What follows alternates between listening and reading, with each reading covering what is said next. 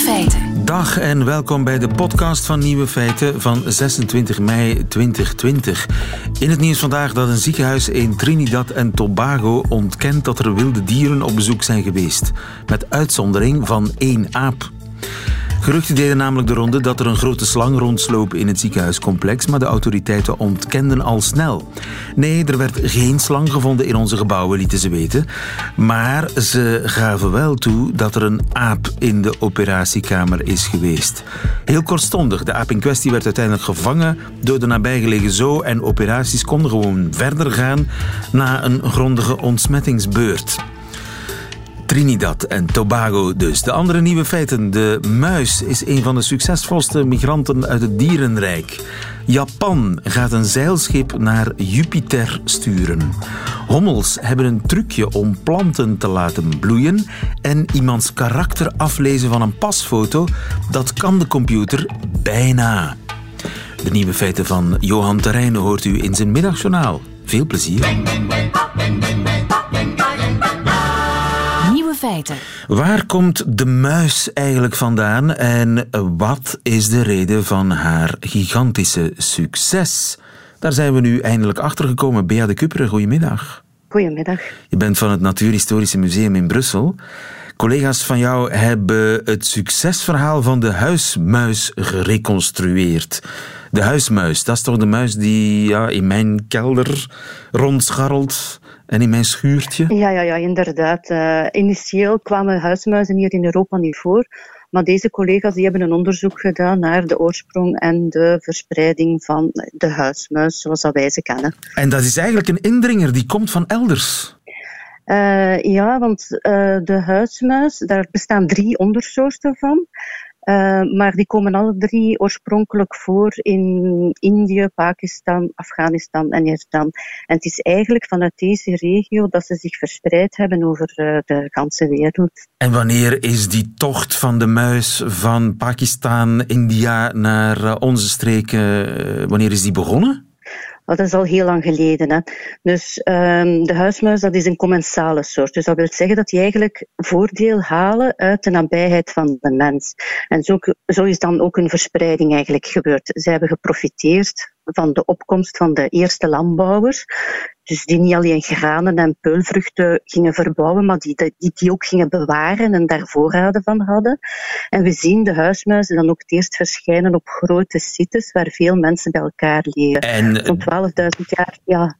12.000 jaar geleden? Ja, zo'n 12.000 jaar geleden in de Levant. En dus de Levant, dus dat is dus de regio direct ten oosten uh, van de Middellandse Zee, waar dus die eerste landbouwrevolutie begon. Aha, en, en dat is eigenlijk het grote cadeau geweest voor de muis, de landbouw. De landbouw, inderdaad. En dan zien we bijvoorbeeld, zoals dat dus die landbouwers zich gaan verspreiden, gaat dus ook de muis verspreiden. Bijvoorbeeld, ze zijn vandaar naar Cyprus gegaan, ongeveer 10.000 jaar geleden. En dan ook nog meer inland naar het uh, bovenste gedeelte van de Eufraat-vallei en in Anatolië. En zo zijn ze verder uh, verspreid geraakt. En zo zijn ze eigenlijk met de komst van de landbouw ook bij ons aangekomen. Ja, dus bijvoorbeeld in Zuidoost-Europa zijn er ook muizenresten gevonden op sites van uh, dus het late steentijdperk, dus, dus ook weer opnieuw met de komst van die landbouwers. Uh, dat is ongeveer 6500 jaar geleden. Maar daar gaat het dan wel over een andere ondersoort dan de die dat we gevonden hebben, of dat ze gevonden hebben in Cyprus en in Anatolië. Ja, en die eerste landbouwers, hadden die dan geen last van al die muizen? Uh, ja, tuurlijk. Hè, ja. We weten allemaal, muizen kunnen nogal heel veel uh, schade aanrichten. Hè. En uh, ja, dat, die zullen zeker getracht hebben om die schade te beperken, zal ik zeggen. en hoe hebben ze dat gedaan? En dan kom, uh, wel, ik vermoed dus, dus, dat daar dan de katten in het beeld komen. Dus uh, een kat die gaat in, in eerste instantie komen naar een plaats, of een wilde kat zal ik zeggen, naar, die zal komen naar een plaats waar dat zich veel muizen bevinden, dus dicht bij de mens. Uh, en dat heeft dan de mogelijkheid gegeven om de mens om ja, eerst, in eerste die katten te tolereren en ook om die katten te temmen. Uh, ze zullen al heel, de mensen gaan ook heel goed begrepen hebben dus dat een kat kon helpen hè, bij het beperken van de schade die de muizen aanbrachten.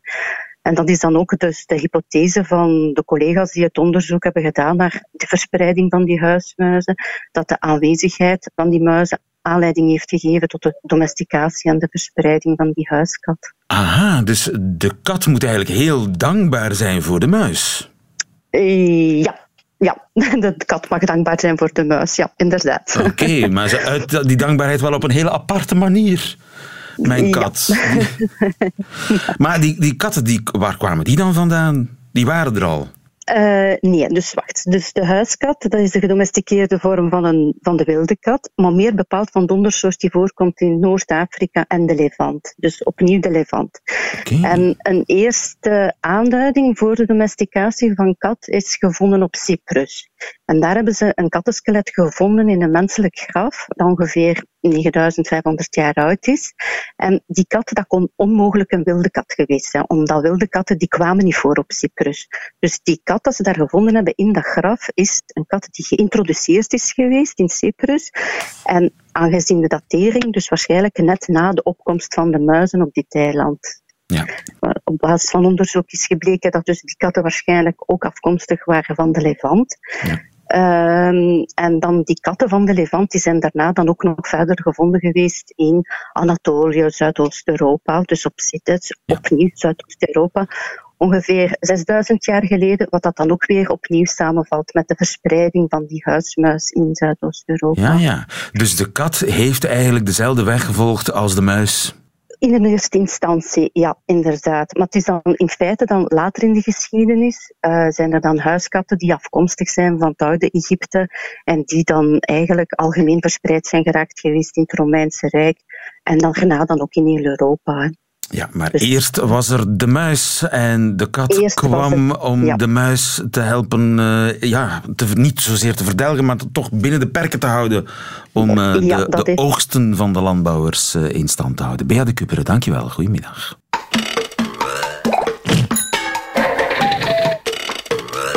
Nieuwe feiten. Kan de computer uw karakter aflezen van een neutrale pasfoto? Wel, het antwoord op die vraag is bijna. Wouter Duik, goedemiddag. Goedemiddag, lieve. Professor psychologie aan de Universiteit van Gent. Het zijn 12.000 eh, vrijwilligers die hebben meegewerkt aan een onderzoek. En die moesten mhm. foto's, neutrale selfies bezorgen, geloof ik, hè? Ja, dat was het, ja. En die moesten ook een vragenlijst invullen om hun persoonlijkheid te bepalen? Dat klopt. En vervolgens, ja, wat is er dan gebeurd? Dan, dan snap ik het niet meer. Dus die computer heeft die foto's bekeken. Ja, inderdaad. U heeft de twee belangrijkste elementen uh, van het onderzoek aangehaald. Dus in het onderzoek probeert men eigenlijk een link te leggen tussen hoe ziet iemand eruit en hoe is iemand. En dat onderzoek is in het verleden ook wel kwalijk geweest. Ik bedoel, uh, er was de beroemde criminoloog Lombroso, die beweerde uh, dat hij op basis van gezegden de misdadigers kon identificeren. We hebben ook de pseudowetenschap van Gal gehad, die, die dacht dat je aan de hand van knobbels op de schedel karakter uh, kon afleiden. Hè. Vandaar ook onze, onze uitdrukking een talenknobbel of een wiskundeknobbel. Maar goed, heel wetenschappelijk was dat allemaal niet. Dat werkte niet. Hè. En uh, ik was best wel verbaasd om nu dit onderzoek in het gereputeerde uh, vakblad Nature uh, te zien verschijnen. Waarin men eigenlijk exact hetzelfde probeert, maar dan op een veel wetenschappelijker, op een veel betrouwbaarder manier. Maar dus ze gaan die computer proberen aan te leren wat een wilskrachtige kin is. Of een, een... Ja. Ja. inderdaad, inderdaad. Dus het probleem met die Lombroso en die Gauw was vroeger ja, dat, dat, dat die scores die, die, die mensen daarop deden, dat die absoluut niet betrouwbaar waren. Hè, dat die alle kanten uitgingen. En nu dacht men van, ja maar kijk, wat als we nu een computer inzetten, als we artificiële intelligentie inzetten, hè, die die foto's op een objectieve manier gaat analyseren. En men noemt dat met een techniek die met een moeilijk woord neurale netwerken noemt. En wat doet men eigenlijk? Men voedt zo'n neuraal netwerk, dus 12.000 foto's. Hè. En men zegt dat neuraal netwerk, kijk, die foto die is zo extravert. Hè, want men heeft ook een meting van hoe extravert die persoon was. Ja, die hebben die lijsten ingevuld. Dus, ja, die, die hebben die lijsten ingevuld.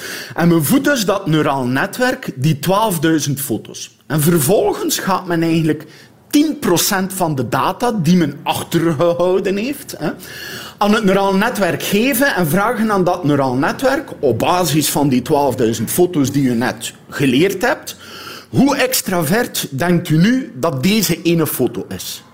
En dan gaat men eigenlijk vergelijken van hoe goed komt die voorspelling van de computer nu overeen met de karakterbepaling van die persoon die we verzameld hebben. En? En, dus in essentie is dat net hetzelfde als dat oude pseudowetenschappelijke onderzoek, maar nu doet men het dus met artificiële intelligentie, dus gebaseerd op objectieve algoritmes en data. Ja, en kon de computer juist voorspellen welke foto bij welk karakter hoorde?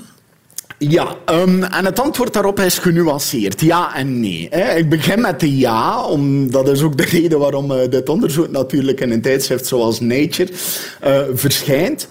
Ja, men vond een correlatie, dus men vond een verband tussen de karaktereigenschappen die de computer genereert en de karaktereigenschappen die er echt waren. En de grootte van die verbanden, dat drukt men in de psychologie uit in correlaties, dat is een getal van 0 tot 1. Hè. En 1 zou willen zeggen perfecte voorspelling en 0 zou willen zeggen we kunnen niks voorspellen. Wel, men landde hier hè, voor sommige karaktereigenschappen op 0,3. 0,3? Dus dat betekent... 0,3. Dat is 3 op 10. Dat, dat, is een flinke buis, ja. toch? Wel, goed, ja, je zou het zo kunnen uitdrukken, maar in de psychologie is dat best wel hè, een, een, een redelijk verband. Waarom? Wat betekent dat? Dat betekent eigenlijk hè, dat je zo'n 13% van de variantie in iemands karakter kunt voorspellen. Dus anders gezegd, hè, op basis van die foto kan die computer voor 13% bepalen hoe extravert je bent. En hebben we enig idee of de computer kijkt effectief naar de bouw van een gezicht of naar de uitdrukking van een gezicht? Ja, een hangende, ja, hangende ogen, hangende lippen kan wijzen op inderdaad diep verdriet. Nee? Ja, daar haalt u inderdaad mijn nee aan. Dus ja, die computer die leert iets. Hè? Dus die kan uit dat gezegd iets afleiden, beter dan kansniveau. Hè? Um, het komt er eigenlijk op neer, je zou het anders kunnen uitdrukken, als u twee personen voor die computer zet, hè, dan kan die computer met 60% accuraatheid zeggen wie de meest extraverte persoon is. Een kansniveau zou 50% zijn. Ja. Hè? Dus hij doet het beter dan kans. Maar uh, u haalt terecht mijn reden uh, voor mijn sceptisch toch wel aan. Um, het probleem met die neurale netwerken is dat we eigenlijk niet weten wat ze leren. We weten, dat is eigenlijk een blackbox, een zwarte doos. En we kunnen eigenlijk nadien niet reconstrueren van welke eigenschap van dat gezegd heeft die computer nu opgepikt. Zijn de flaporen? Om te, zijn de elkaar staande ogen? Ja. Dat inderdaad, weten we niet. Inderdaad, hè, dat weten we dus niet. Hè. Dus dat is echt een zwarte doos. En men heeft gevraagd aan die proefpersonen om redelijk neutrale foto's in te sturen. Hè. Dus dat betekent foto's waarop je niet lacht, waarop je gewoon neutraal kijkt, om die foto's zo neutraal mogelijk te houden. Maar en dat is dan mijn kritiek op het onderzoek. Hè. Omdat je dus niet weet wat die computer oppikt, zou het nog steeds zo kunnen zijn dat bijvoorbeeld mensen die wat extraverter zijn, dat die het misschien wat minder erg vinden om eens een dag niet geschoren te zijn, dat die dus gemiddeld misschien net een millimeter meer baardgroei hebben dan minder extraverte mensen. Ik zeg zomaar iets, ik kan honderd andere verbanden verzinnen. Hè. En dat het dat soort kleine dingen zijn die de computer dan oppikt. Hè. Um, natuurlijk is dat een probleem. Ja, ja, dat is een probleem, want ja, wat leert zo'n computer dan? Ja, dan leert hij eigenlijk niet hoe extravert uh, iemand is, maar hij leert hoeveel baardgroei iemand heeft. Hè. Ja. Natuurlijk, dat maakt het ook niet minder bruikbaar als er inderdaad een verband zou zijn tussen baardgroei en extraversie. Hè. Dan kan je wel dat algoritme, ook al, ook al weet je niet hoe het werkt, kan je het wel degelijk nog altijd gebruiken om op een heel snelle manier hè, een inschatting te maken van iemands karakter. Ja, dat is een beetje angstaanjagend toch? Hè? Want in combinatie met Facebook ja, heeft niemand nog geheimen hè, als je dat combineert. Ja, inderdaad, inderdaad. Maar goed, allez, daar zou ik toch ook wel durven benadrukken dat ook in dit fancy onderzoek met artificiële intelligentie, dat die correlaties waar ik het net over had, ik heb gezegd, ja, men kan 13% voorspellen, dat is ook maar 13%. Ik bedoel, um, dat is ook geen getal waar we in de psychologie van achterover vallen. Zo'n automatisch algoritme kan dus voor 13% voorspellen hoe extravert u bent, maar dat betekent dus ook 87% niet. Ja. Dus om dan te zeggen van ja, kijk, ehm, de lijzen kan dit uh, nu uh, inzetten om te gaan scannen um, hoe een bepaalde klant is en om hem uh, onmiddellijk gepersonaliseerde advertenties te gaan sturen. Zover ja, zijn we nog dan, lang niet. Nee, dan zal daar toch niet veel van overschieten. Ook bijvoorbeeld voor personeelselecties. Die persoonlijkheid wordt heel vaak gemeten in sollicitatieprocedures. We weten bijvoorbeeld dat een trek zoals conscientieusheid hè, samenhangt met jobprestaties. Hè. Conscientieusheid, dat betekent hoe betrouwbaar is iemand, haalt hij deadlines, kan je op iemand rekenen. Maar we weten dan dat conscientieusheid, ja, maximum 10% van jobprestatie voorspelt. En met zo'n algoritme kan je dan 10% van conscientieusheid voorspellen. Dus wat betekent dat? Ja, dan, heb je 1% ja. van, dan heb je 1% van jobprestaties uh, bepaald. Dus ik vond het best een interessant onderzoek. Hè. Het is de wetenschappelijke um, um, vooruitgang hè, van eigenlijk heel oud kwakzalverij-onderzoek, waarin men met artificiële intelligentie dat probeert te doen. Um, maar goed, men, men, men krabt eigenlijk nog slechts aan het topje van de ijsbergen, denk ik. Ja. Dankjewel, professor Duik in Gent. Goedemiddag. Graag gedaan. Dag.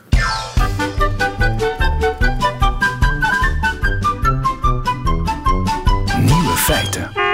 Deze bucolische muziek om uh, ja, het volgende onderwerp aan te kondigen, wat er eigenlijk helemaal niets mee te maken heeft. Want Japan die gaat iets, uh, ja, een soort van krachttour uh, ten beste geven. Zij gaan zeilen naar Jupiter. Zeilen naar Jupiter. Inderdaad. Stijn Ilsen, goedemiddag. Goedemiddag. Stijn, jij bent lucht- en ruimtevaartspecialist. Over een paar jaar stuurt Japan een soort van zeilschip naar de Trojanen van Jupiter. Wat zijn de Trojanen van Jupiter? Waar liggen die? De Trojanen van Jupiter zijn, die zijn eigenlijk, dat zijn, als Jupiter draait in een baan rond de zon, en in diezelfde baan, een beetje ervoor en een beetje erachter, zweven een aantal asteroïdeachtige objecten, een beetje overblijfsels, stukken steen, die niet tot een planeet zijn geraakt, die nooit op, tot bij Jupiter zijn geraakt, die eigenlijk daar meedrijven met Jupiter in een baan rond, uh, rond de zon. Die zouden ons veel kunnen vertellen over hoe ons zonnestelsel gevormd is. Ja. Vandaar dat we daar eens naar, naartoe willen gaan. Jupiter is ver, hè?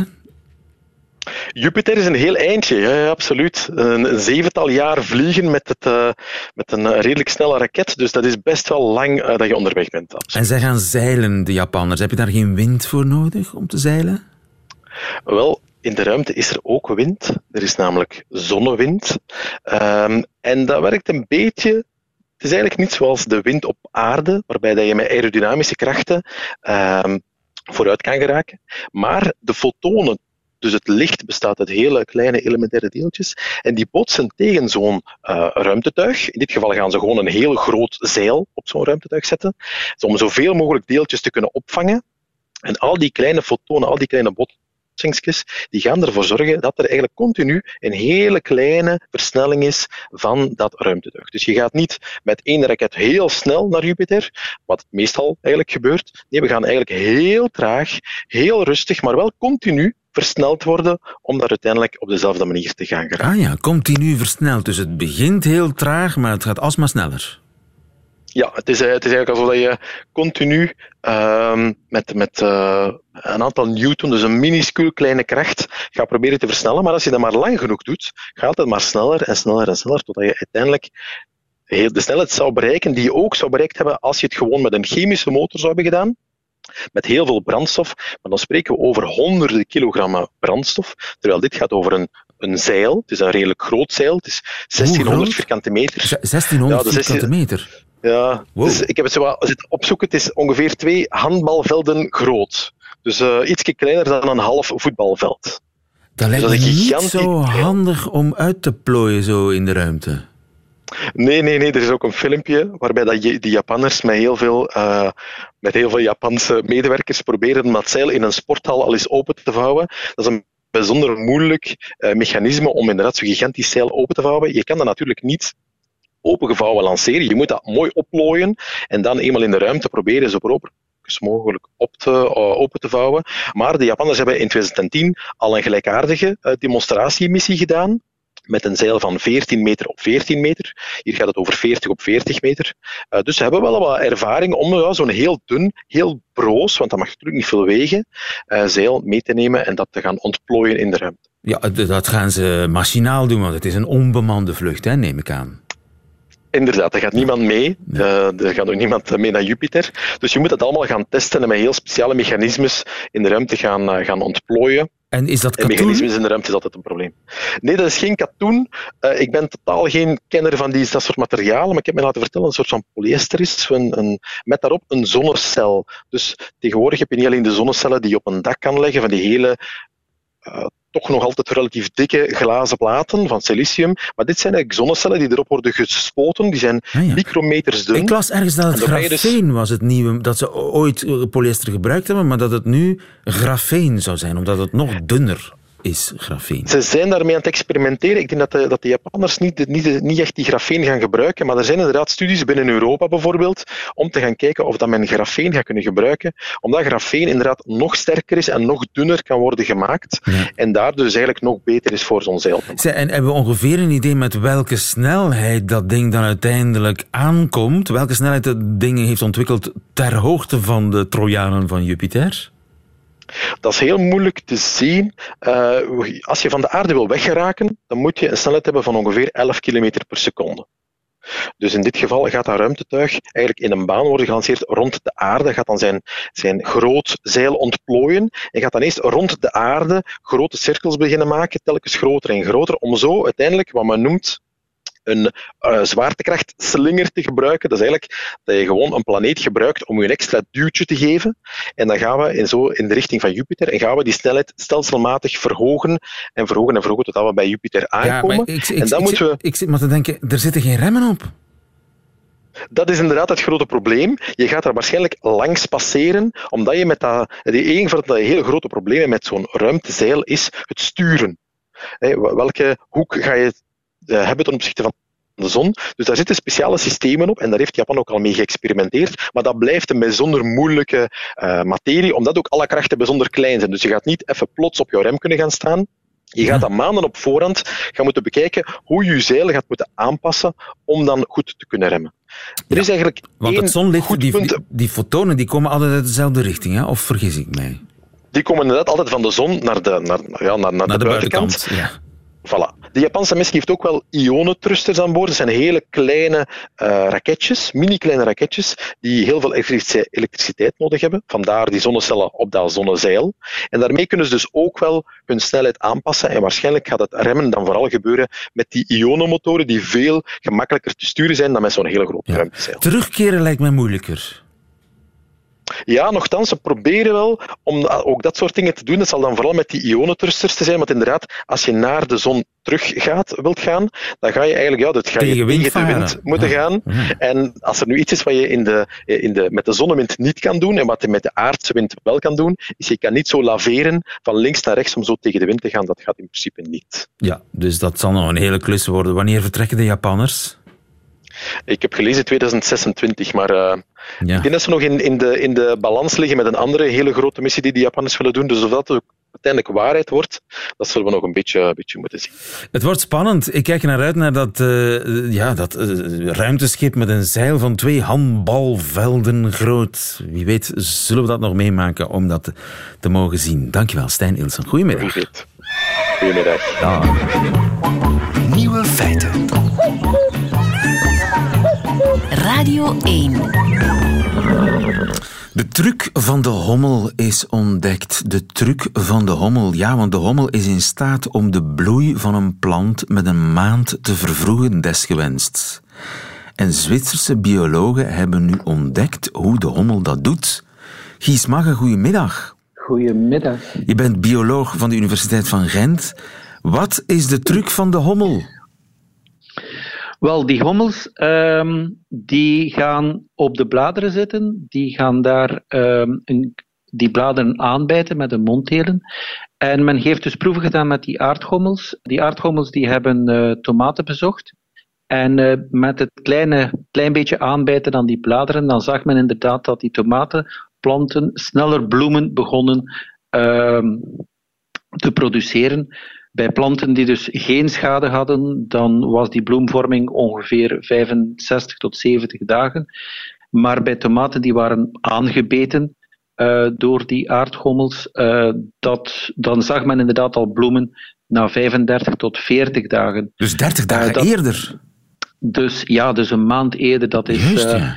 een significant resultaat. dus eigenlijk de, de hommel kriebelt als het ware aan de tomatenplant om de plant te doen bloeien. Ja, dus die aardgommels die gaan, die, dus vooral aardgommels die dus een tekort hebben aan pollen, die gaan dus op die bladeren zitten, die maken een klein, die bijten een klein beetje aan die bladeren, dat zijn kleine gaatjes, met een, uh, dat zijn specifieke monddelen, mandibels noemt men dat.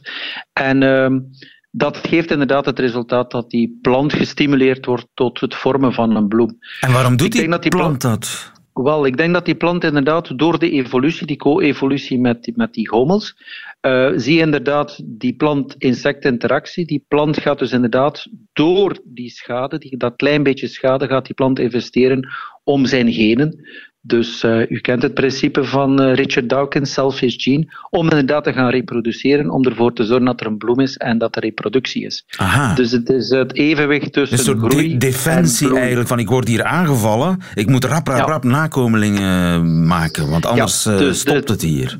Dus onderliggend uh, moet je inderdaad zien dat die plant inderdaad investeert in groei of in bloei.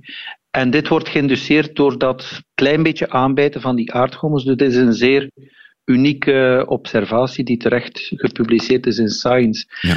Ehm, En die dan plant heeft daar geen dat die- last van? Uh, de planten zelf hebben er geen last van. Dat betreft een heel klein haatje dat in die bladeren is gebeten. Uh, en men heeft ook gezien dat andere, uh, andere hommels dit ook doen. Uh, steenhommels doen dat ook. En wat dat heel bijzonder was, bijvoorbeeld honingbijen, die gaan niet op die bladeren zitten. Dus het blijkt dus een specifieke relatie te zijn met de hommels. Uh, om dus inderdaad dit fenomeen, om dit te induceren bij planten voor een versnelde groei. Eh, Het lijkt alsof Eh, die een plant een afweging maakt, maar een plant heeft toch geen brein?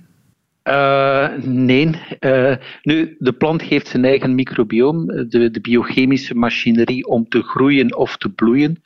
Um, en dat wordt dus aangezet. Dus door die schade krijgt men inderdaad een, uh, een wijziging in dat programma. En gaat inderdaad het programma uh, voor bloei worden aangezet. Ja, Uh, dat is een investering. Dat plantbijten, zou dat iets zijn wat de hommel van zijn moeder geleerd heeft? Uh, dat weet ik niet. Um, dat weet ik niet. Men ziet inderdaad dat ook andere hommels dit kunnen. Uh, ook steenhommels kunnen dat. Um, en dus blijk honingbijen kunnen dat niet. Dus uh, wat daar in de evolutie het verschil gemaakt heeft, ik, dat, is, dat vraagt zeker nog verder onderzoek. Uh, maar het is zeker iets fascinerend en het is zeker ook iets dat je moet zien in het kader van bijvoorbeeld de groene architectuur, waarbij dat je ziet dat er inderdaad minder voedsel aanwezig is, in, vooral in bijvoorbeeld het voorjaar. Dat is inderdaad hommels ook gaan zoeken naar dus meer planten, meer bloemen, meer eten. En dus waarschijnlijk ook die planten gaan uh, aanbijten, als ik het zo mag zeggen. Ja. Om dus inderdaad bloemen en eten te hebben. Dus het is een continu een, een evenwicht zoeken voor de planten om zich voor te planten, maar ook voor die hommels om dus eten te vinden en ook zichzelf dan te kunnen voortplanten. Dus het is een continu evenwicht en een continue evolutie tussen deze twee kingdoms, maar een zeer fascinerende uh, observatie. En zouden wij mensen de truc van de hommel kunnen stelen? Wel, dat is uh, uiteraard. Uh, ik ben ook bio-ingenieur en dat is uiteraard ook iets waar je daar aan denkt. Kan je dit inderdaad exploiteren? Um, wij hebben in de tijd ook nog zelf proeven gedaan waarbij dat we kleine haatjes maakten in planten met een perforator. En ook deze mensen hebben dat zo gedaan. En men zag dus inderdaad dat men het effect van dus die versnelde bloem, bloemvorming, uh, dat men dat niet kan nabootsen. Oei. Uh, wel, er, is, er is toch nog iets bijzonders dat die hommels inderdaad. Ik denk dat het ook iets biochemisch is, dat die hommels inderdaad het bijten samen met waarschijnlijk wat speekselsecretie. Dus ook als wij eten, wij maken ook speeksel. Ook die hommels, als ze dus bijten, gaan ze dus een speekselsecreet uh, vrijstellen aan die plant. En het is dat, het bijten en die speekselsecretie, die specifieke speekselsecretie, die gaat maken dat die plant inderdaad uh, zijn programma voor bloei uh, gaat aanzetten en het programma voor groei in feite gaat stoppen. um, er is nog een geheim mengsel. Een potion magiek die we nog de, nodig de hebben. ja, de natuur zit dus inderdaad vol van die geheimen nog die te ontdekken zijn. Uh, men weet wel ondertussen uh, dat er inderdaad een bepaalde enzym, glucoseoxidase, dat dat inderdaad ook meespeelt. Maar er zijn waarschijnlijk ook nog andere, ook een aantal volatiele componenten. maar dat vraagt zeker nog verder onderzoek. En dat is inderdaad zeer fascinerend om bijvoorbeeld planten versneld te kunnen laten bloeien, om inderdaad product, productiviteit of synchronisatie in productie. Dus om bijvoorbeeld planten, gewassen meer synchroon te laten bloeien, om die productie inderdaad meer synchroon te krijgen. Ja. Uh, dus zeker nog een, een, iets heel veel, iets dat we kunnen leren vanuit de natuur. Ja, we hebben nog veel te leren van de hommel. Dankjewel Gies Magge. Goedemiddag. Dank u wel, dag. Dat waren ze, de nieuwe feiten van 26 mei 2020. Alleen nog die van Johan Terrein krijgt u in zijn middagjournaal. Nieuwe feiten. Middagjournaal. Beste luisteraar. De wereld in willen zwerven en op dat moment in je kot moeten blijven. Het overkomt momenteel alle zesdejaars humaniora-studenten. Ik heb er ook zo een in huis, op het drempeltje van 18, die net na zijn laatste 100 dagen viering Chrysostomos voor de vrienden in lockdown moest. Alles wat zijn jaar ging maken, zag hij één voor één sneuvelen. Eerst die Italië-reis, waar hij al van in het eerste middelbaar naar uitkeek, dan zijn schoolbal, dan de proclamatie. Tickets voor concerten van zijn lievelingsartiesten die eindelijk in Europa te zien waren. De lijst is eindeloos, of in elk geval, het einde is nog niet in zicht. Studies, steden en universiteiten gaan vergelijken kan enkel nog online. De onechte wereld, waarbij het lijkt of je een stapje in de wereld zet, tot je weer rondom kijkt en merkt dat je nog altijd gewoon thuis in de zetel zit. Dat is als een parachutespringer die het nu moet hebben van Google Earth. Dat is als een skier die het moet doen met de winterbeelden op canvas. Dat is als varen over de woeste golven met een driemaster en ontdekken dat je eigenlijk in een fles zit. Het gevoel is toch net iets anders. In de plaats krijgt hij een mondmasker en twee halve dagen in halve klasse op school. Leerstof afwerken klaarstomen voor een studentenleven dat er wellicht ook helemaal anders zal gaan uitzien. Het feest dat zijn jaar moest worden bij het instappen van een nieuwe wereld lijkt nu eerder op een begrafenis van zijn jeugd. Dat maakt me kwaad als vader. Ik brom inwendig, alsof er twee kabels op elkaar of in de knoop liggen die zo het signaal verstoren. Stiekem hoop ik dat er een dag komt dat hij alsnog op school kan gaan vieren dat hij er helemaal klaar mee is. Dat er verder op het jaar nog een bal op de proppen komt. Dat er misschien volgend jaar nog een extra bus naar Italië wordt ingelegd om al die gemiste kansen op een mooie afronding goed te maken. En toch zit mijn jongen vol dromen. Ze zijn er nog. Dromen die niet kapot kunnen, dromen waar het virus niet aan kan, dromen die niet locked down kunnen worden. Voorlopig is het nu even in extremis zoeken naar een vakantiejob die de tijd onderweg wat kan opvullen. Maar ooit worden die dromen plannen. Ooit worden die plannen werkelijkheid. Wat kijk ik er naar uit om hem dat te zien doen? Zodat het inwendig gebrom ook eindelijk kan stoppen en de klank en het beeld weer zuiver worden.